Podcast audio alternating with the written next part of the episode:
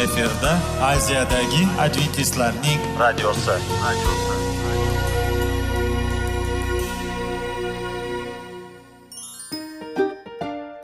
assalomu alaykum radio tinglovchimiz dasturimizga xush kelibsiz va bizni tinglayotganingizga sizdan judayam minnatdormiz bugungi bizning dasturimizning nomi sog'liq daqiqasi deb ataladi va biz sizlarga bu dasturda mevalarning foydasi haqida so'zlab bermoqchimiz ya'ni uning tarkibi uning tarixini va foydali xususiyatlari haqida. Aziz do'stlar mevani iste'mol qilish kerak ekan va biz boshladik ketdik. Sog'liq daqiqasi soliqning kaliti qiziqarli ma'lumotlar faktlar. Har kuni siz uchun foydali maslahatlar. Sog'liq daqiqasi rubrikasi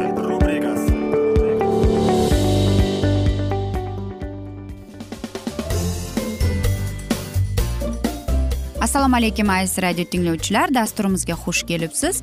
Va biz sizlar bilan tana va sog'liq degan dasturni o'qib eshittirayotgan edik. Va bugungi bizning dasturimizning mavzusi ko'zlar uchun oziq ovqat deb nomlanadi.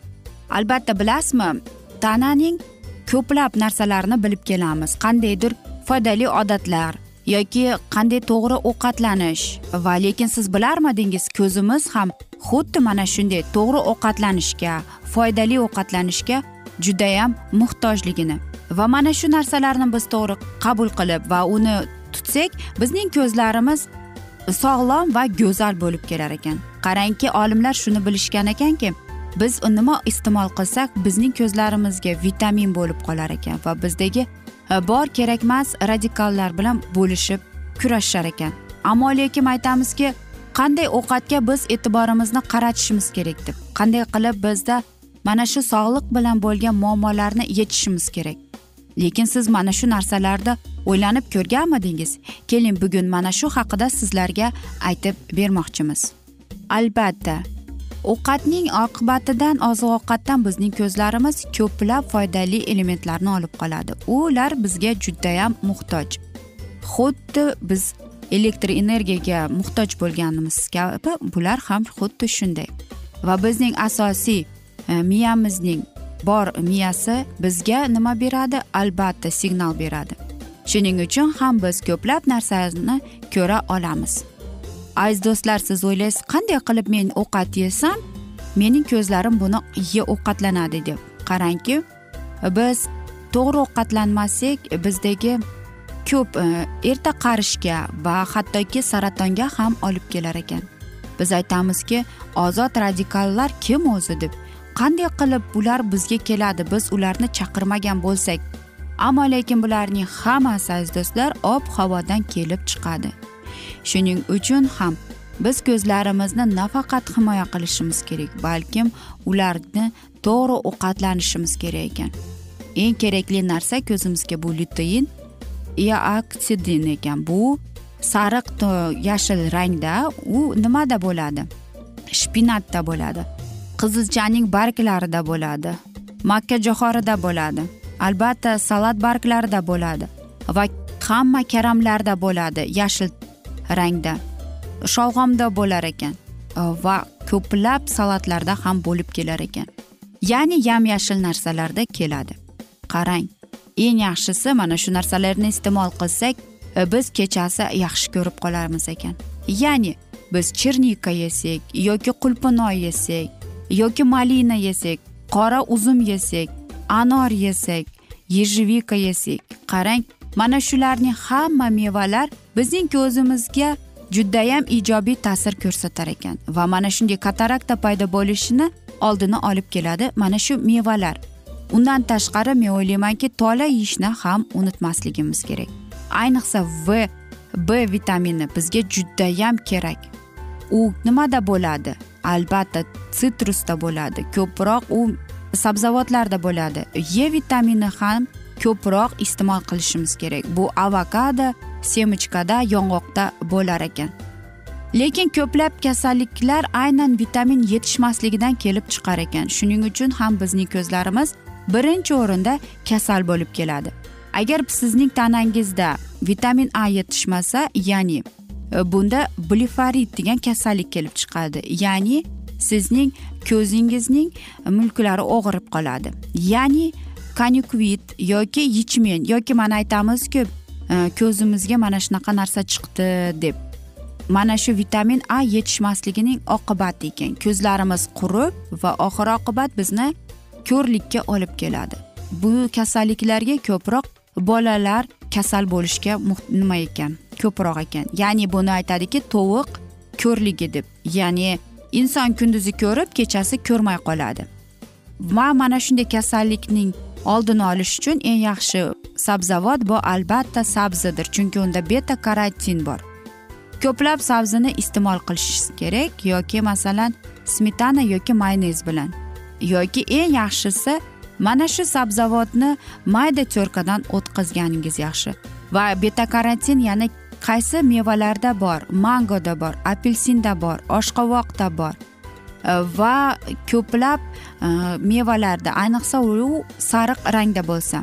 Lekin vitamin b yetishmasachi unda siz ko'plab kasallarga duch kelib qolasiz. Bu vitamin ko'proq e, nonlarda bo'ladi. Semechkada bo'ladi. Yoki aytaylik yovvoyi yong'oqlarda bo'ladi. Grechkada bo'lar ekan hattoki. Qarangki mana shu narsalarni iste'mol qilsangiz siz ko'plab narsalardan ko'zingiz sizdan minnatdor bo'ladi. B ikki yetmasachi unda siz yer yong'oq yeyishingiz kerak. Tuxum pechenye va yong'oq va hattoki qo'ziqorin ham yeyish kerak ekan. B uch esa e, ko'zimizdagi tomirlarni kasal qilmaslikka bizni himoya qilib kelar ekan. Va men o'ylaymanki siz barcha vitaminlarni iste'mol qilyapsiz. Qarangki mana shu hamma vitaminlarni siz iste'mol qilganingizda bor sizda yetishmagan vitaminni bular yopadi. Ya'ni yer yong'oq e, aytaylik piyoz molning jigari tovuq va hokazo narsalarni. Vitamin va ko'plab foydali narsalar bizga ayniqsa yoshlarimizga judayam kerak. Ularga o'tkir ko'z qarashi yosh kattalarga esa e, mana shu yoshning o'zgarishini ko'zi ko'rmaslikka e, himoya qilar ekan. Va men o'ylaymanki aziz radio tinglovchilar siz o'zingiz ko'zingizni sog'lig'ini saqlab qolish uchun mana shu narsalarni iste'mol qilib kelasiz. Va mana shu alfozda aziz do'stlar afsuski biz bugungi dasturimizni yakunlab qolamiz chunki bizning dasturimizga vaqt birozgina chetlatilgani sababli. Lekin sizlarda savollar paydo bo'lgan bo'lsa biz sizlarni salomat klub internet saytimizga taklif qilib qolamiz. Va mana shu asnoda biz sizlarga va oilangizga tinchlik totuvlik tilab sog'lik tilagan holda aziz do'stlar yuzingizdan tabassum hech ham ayrimasin deb xayrlashib qolamiz.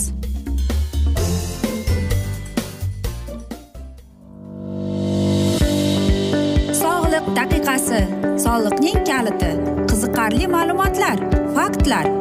Har kuni siz uchun foydali maslahatlar. Sog'liq daqiqasi rubrikasi.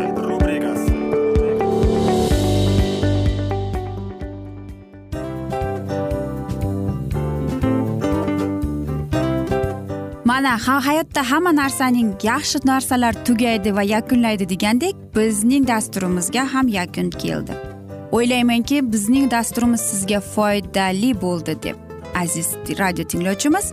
Va siz o'zingiz uchun kerakli xulosalar kerakli maslahatlar olib oldingiz. Aziz radio tinglovchimiz biz bilan qoling va keyingi dasturlarimiz albatta undanda qiziqroq bo'ladi. Mana shu alfozda sizlar bilan xayrlashib qolaman.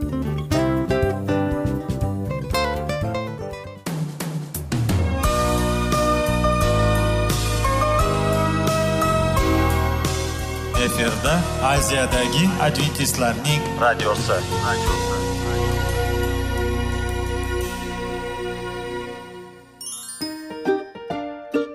Assalomu alaykum aziz radio tinglovchilar. Dasturimizga xush kelibsiz.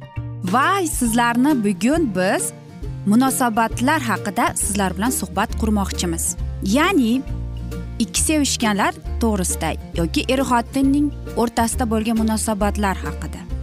Masalan yigit qizni qanday sevish kerak? Er xotinni qanday sevish kerak? Xotin erini qanday sevish kerak? Qanday munosabatda bo'lishi kerak ular bir biriga mana shunday haqida bizning mavzuyimiz.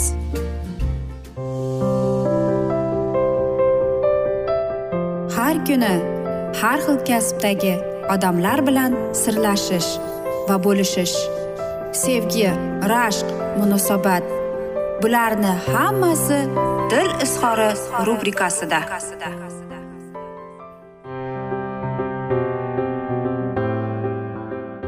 Assalomu alaykum aziz radio tinglovchilar. Dasturimizga xush kelibsiz.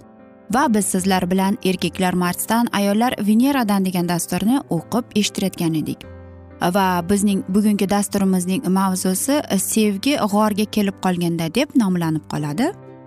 Albatta biz mana shunday sevib sevilib va bir birimizning tushunishimizni kelib qolganimizda biz mana shu eng go'zal munosabatlar deb o'ylaymiz. Ammo lekin ne nima uchun? Sevgi tugaydi yoki yakunlanib qoladi. Buning sabablari judayam ko'p. Va biz e, bilmaymizki masalan bizning turmush o'rtog'imizning biz ehtiyojlarini qondiramizmi undan ko'plab narsalarni talab qilib kutib qolamiz. E, lekin ko'plab narsalarning ichida ham ayolning aytaylik muhtojliklari ko'payib boraveradi. Va biz yuqori dasturlarda aytganimizdek ayollar uchun eng muhimi bu e, g'amlik yoki masalan uni tushunib va hokazo narsalar. Albatta u ayol kishi o'zini mana shunday e, qo'llab quvvatlashi bilan va tushunish bilan o'zini va yaqinlarini o'rab qo'yadi. Ammo lekin erkak kishi esa mana shunday qo'llab quvvatlashni aksincha qilib oladi. Ya'ni unga ishonmayapti deb. Va uning uchun ham birinchi o'rinda bu albatta mana shunday g'amxo'rlik emas. Birinchi o'rinda unga ishonishingiz kerak. Shuning uchun ham keyinchalik e, sizning turmush o'rtog'ingiz ham mana shuning g'am tashvishingizni olganligiga siz umuman e'tibor berib qolmaysiz. Shuning uchun ham sizni ayolingiz tushunmaydi ham. Nega siz unga minnatdormassiz deb. Erkak kishi esa o'zining tomonidan bor sevgisini o'z turmush o'rtog'iga beradi lekin ayol kishi xohlaganday emas. Va oxir oqibat ular aytaylik tushunarsiz bir chuqurlikka kelib qoladi. Keling bir er xotinning misolida sizlarga aytib beraman. Bir ayol menga mana shunday qilib erining ustidan shikoyat qilar edi. Men boshqa va keyingi vaqtlarda nafaqat berishni faqatgina aytaylik deydi men hattoki evaziga hech narsa olgim ham kelmayapti deydi chunki mening turmush o'rtog'im mening mana shunday usullarimni umuman qadrlamaydi deydi men uni sevaman ammo lekin u u meni sevmaydi deb aytadi lekin uning turmush o'rtog'i bilan gaplashganimizda u shunday dedi men nimaki qilmay hammasi u xohlaganday emas ekan deb men bilmayman yana nima qilish kerak ekan deb. Men hamma narsani qilib ko'rdim lekin u meni sevmaydi deb aytadi. Menki uni sevaman e, lekin bir tomonlik sevgining o'zi yetarli emas shekilli deb aytadi. Albatta bu er xotinning turmush qurganiga sakkiz yil bo'ldi. Nima uchun shunday bo'ldi? Chunki ikkalasi ham bir birini sevimli emas deb his qilardi. Qarangki ikkalasi ham bir birining ustidan shikoyat qilishar edi. Biz bir birimizga deydi ikkalas er xotin ham har bir alohida ham aytardiki men turmush o'rtog'imga ko'p narsani beryapman lekin olayotganim oz deb. Va hamma ish bu yerda aytaylik matematikada emas. Bu er xotin ham bir biriga juda kam e'tibor va sevgini e, hadya qilganligi uchun. Yoki masalan ular bir birining ehtiyojlarini qondirmaganligi uchundir. Bu er xotin haqiqatdan ham bir birini juda ham sevar edi. Ammo lekin har biri ham tushunmas ediki eng asosiy narsasi nima?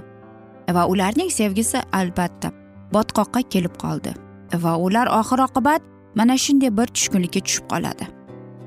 Ko'plab um, turmush qurganlarning munosabatlari mana shunday aytaylik E, chuqurlikka kelib qolganda ular qo'lini e, pastga tushirib qo'yadi. Nima uchun shunday bo'lishini mana biz yuqorida aytib o'tdik. Hammasi biz ko'p berib ko'p olishimiz kerak.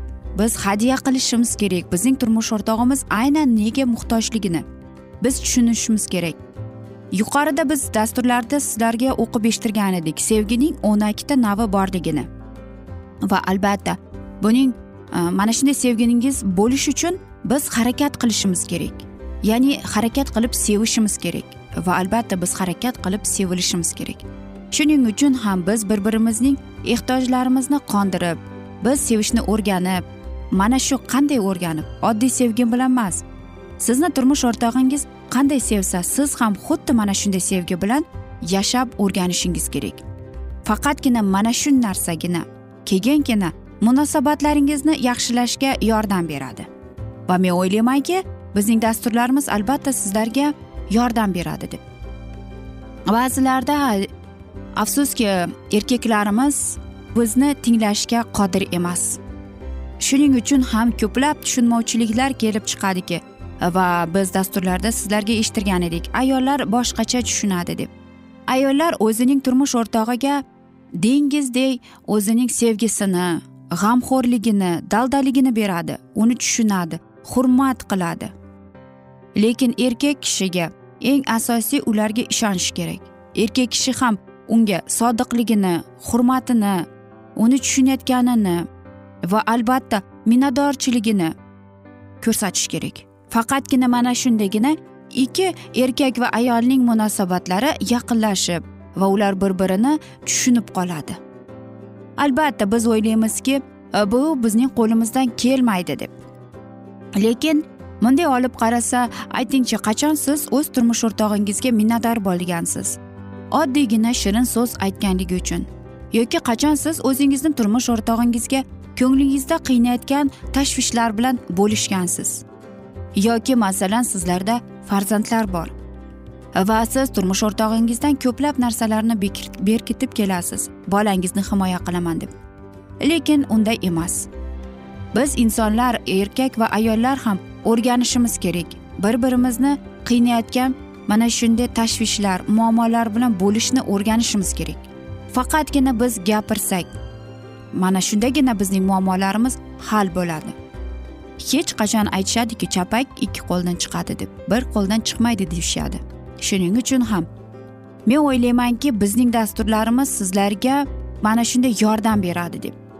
Va mana shunday yaxshi munosabatlar bo'lishi uchun ikki kishining mehnati kerak. Hech qachon bir tomonlama munosabat bo'lmaydi sevgi ham bo'lmaydi. Va aziz radio tinglovchilar mana shunday go'zal va chiroyli asnoda afsuski bugungi dasturimizni yakunlab qolamiz chunki bizning dasturimizga vaqt birozgina chetlatilgani sababli. Ammo lekin keyingi dasturlarda albatta mana shu mavzuni yana o'qib eshittiramiz. Va biz umid qilamizki sizlar bizni tark etmaysiz deb chunki oldinda bundanda qiziq va foydali dasturlar sizlarni kutib kelmoqda. Va albatta sizlarga va oilangizga tinchlik totuvlik sog'lik salomatlik tilab va albatta seving seviling deb xayrlashib qolamiz.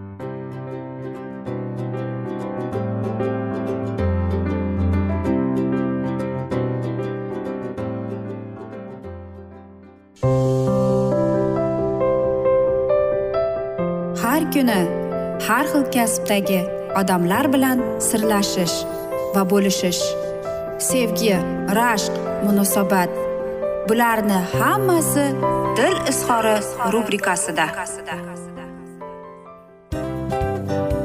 Mana aziz radio tinglovchimiz bizning go'zal va foydali va chiroyli dasturimiz yakunlanib bormoqda. Sizlarga birozgina maslahat berib o'tmoqchi edik. Bir biringizni seving. Qadringizga yeting. Va erkalang albatta bir biringizni va sizga judayam chiroyli va mustahkam munosabatlar tilab qolamiz albatta. Sevgilingiz doimo yoningizda bo'lsin. Mana shu borada sizlar bilan xayrlashib qolamiz. Xayr.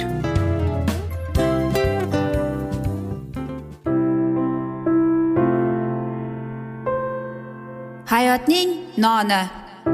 Qiziqtirgan savollar va javoblar. Buning hammasi ko'ngil uchun oziqa rubrikasida.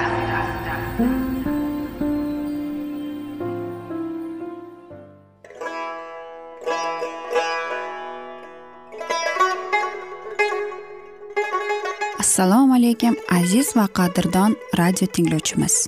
Dasturimizga xush kelibsiz. Bizni tanlaganingizga sizdan minnatdormiz. Va keyingi bizning E, mavzuyimiz diniy masalasiga kelib chiqadi. Albatta hayot davomida bizni ko'plab qiziqtirgan savollar bordir. Va mana shu savollarga qayerdan javob olsam ekan deb o'ylanib chiqamiz. Yoki hayotning ma'nosi nimada deb o'ylanamiz. Mana shunday dasturlar o'ylaymanki siz sizga foyda bo'ladi deb. Aziz do'stlar e, bugungi bizning mavzuyimizning nomi vahiy kitobning ochilishi. Ya'ni bu muqaddas kitobda shunday deb yozilgan. Vahiy kitobning bizga bo'lgan buyuk sovg'asi deb. Albatta mana shunday kitobni eshitib quloq solib e'tiborli bo'lsak biz o'zimizning qiziqtirgan hayotning ma'nosini tushuntirgan bizni kelajakda nima kutayotganini mana shu kitobdan bilib olamiz albatta. Va xudoyim bizga qanday rejalar ochgan bizga qanday kelajak kutayotganini aynan mana shu kitobda yozilgan va bizga mana shu kitob orqali xudoyim bizga aytib bergan. Keling aziz do'stlar mana shu kitobni e'tiborli va yaxshilab quloq solib va chuqurroq nazar solaylik shu muqaddas kitobga. Assalomu alaykum aziz radio tinglovchilar dasturimizga xush kelibsiz. Va biz sizlar bilan ulug' kurash degan kitobni o'qib eshittirayotgan edik. Va bugungi bizning dasturimizning mavzusi britaniya orollarida xabarning tarqalishi deb nomlanadi va biz o'tgan galgi dasturni bugun davom ettiramiz. Ammo bularning hammasi arzimagan narsalar edi. Bir erkak kishi bor kuchi bilan ko'kragimga urdi. Ikkinchisi og'zimga urdi. Shu zahoti qon otilib chiqdi. Men esa hech qanday og'riqni sezmadim. Xuddi menga somon uchib kelib tekkanga o'xshardi. Metodistlar imonlilari ham voizlari ham paydo bo'lganlarning birinchi yillarida jamoat a'zolari tomonidan va xudosizlar tomonidan taqiblarga hamda masxaralashga duchor bo'ldilar. Ularni har xil mish mishlar bilan g'ij g'ijlardilar metodistlarni tez tez sud qilardilar. Ammo bu sudlarda adolat kamdan kam mehmon bo'lsa ham imonlilarga ko'pincha zo'ravonlik qilardilar. Ularning uylariga e, daydi olomon bostirib kirar mebellarini idish tovoqlarni sindirar edi. Erkaklarni ayollarni va bolalarni haqorat qilardilar.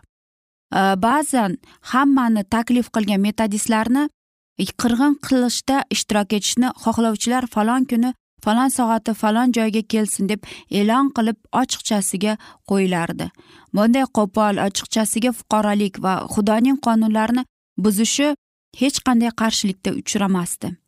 E, doimiy ravishda taqiblarga va zaharlanishga duchor bo'lgan bu odamlarning bitta aybi shu ediki ular gunohkorlarning qadamlarini halokatli yo'ldan muqaddaslik suqmog'iga yo'llantirmoqchi edilar xolos. Jon uesli o'ziga va xodimlariga qarshi ilgari surilgan ayblovlarga e, javob berib shunday degan edi.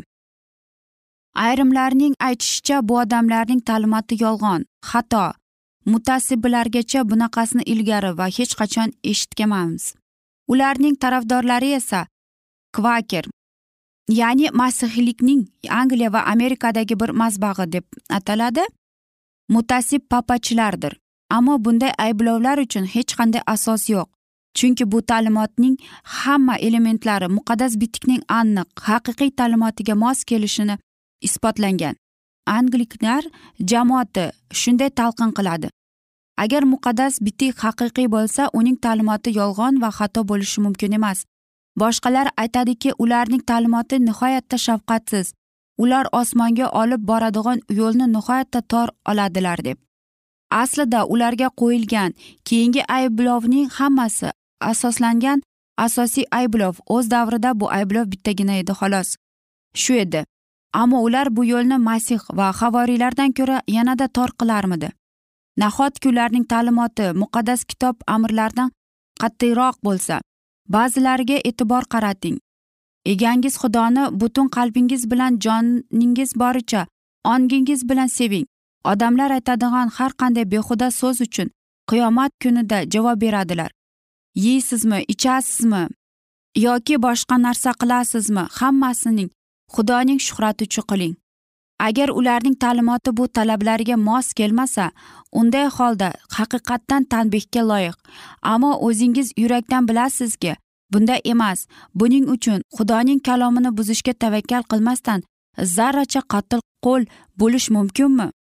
Xudoning sirlarini saqlovchi bu xazinada biron narsani o'zgartirsa uni sadoqatli deb aytish mumkinmi?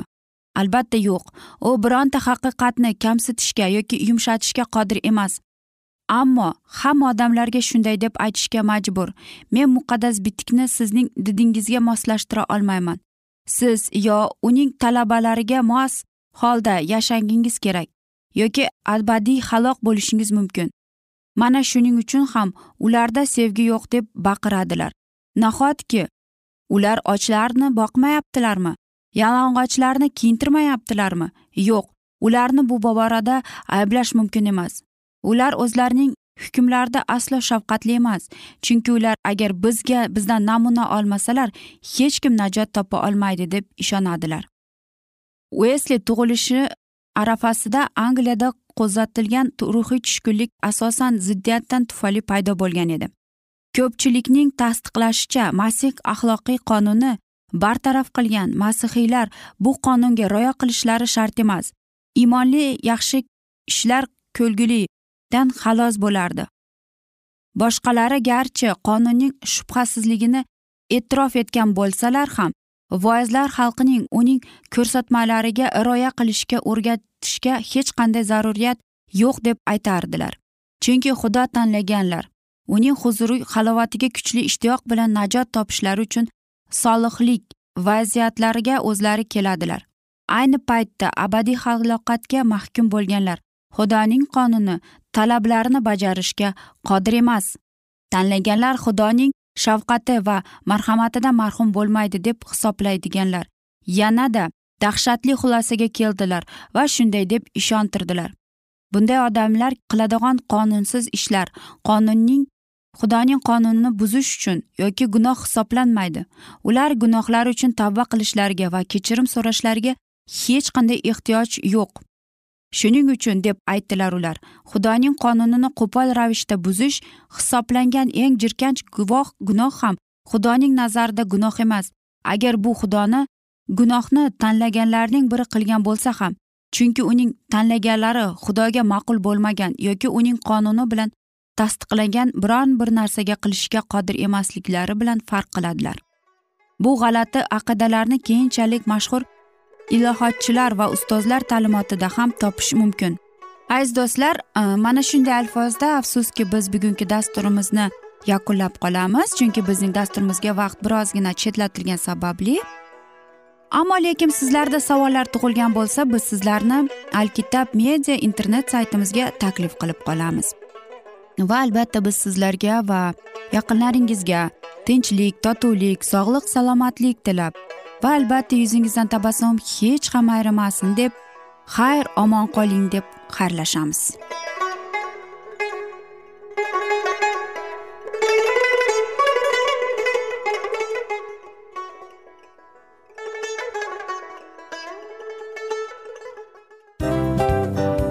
Hamma narsaning yakuni bo'ladi degandek afsuski bizning ham dasturlarimiz yakunlanib qolyapti.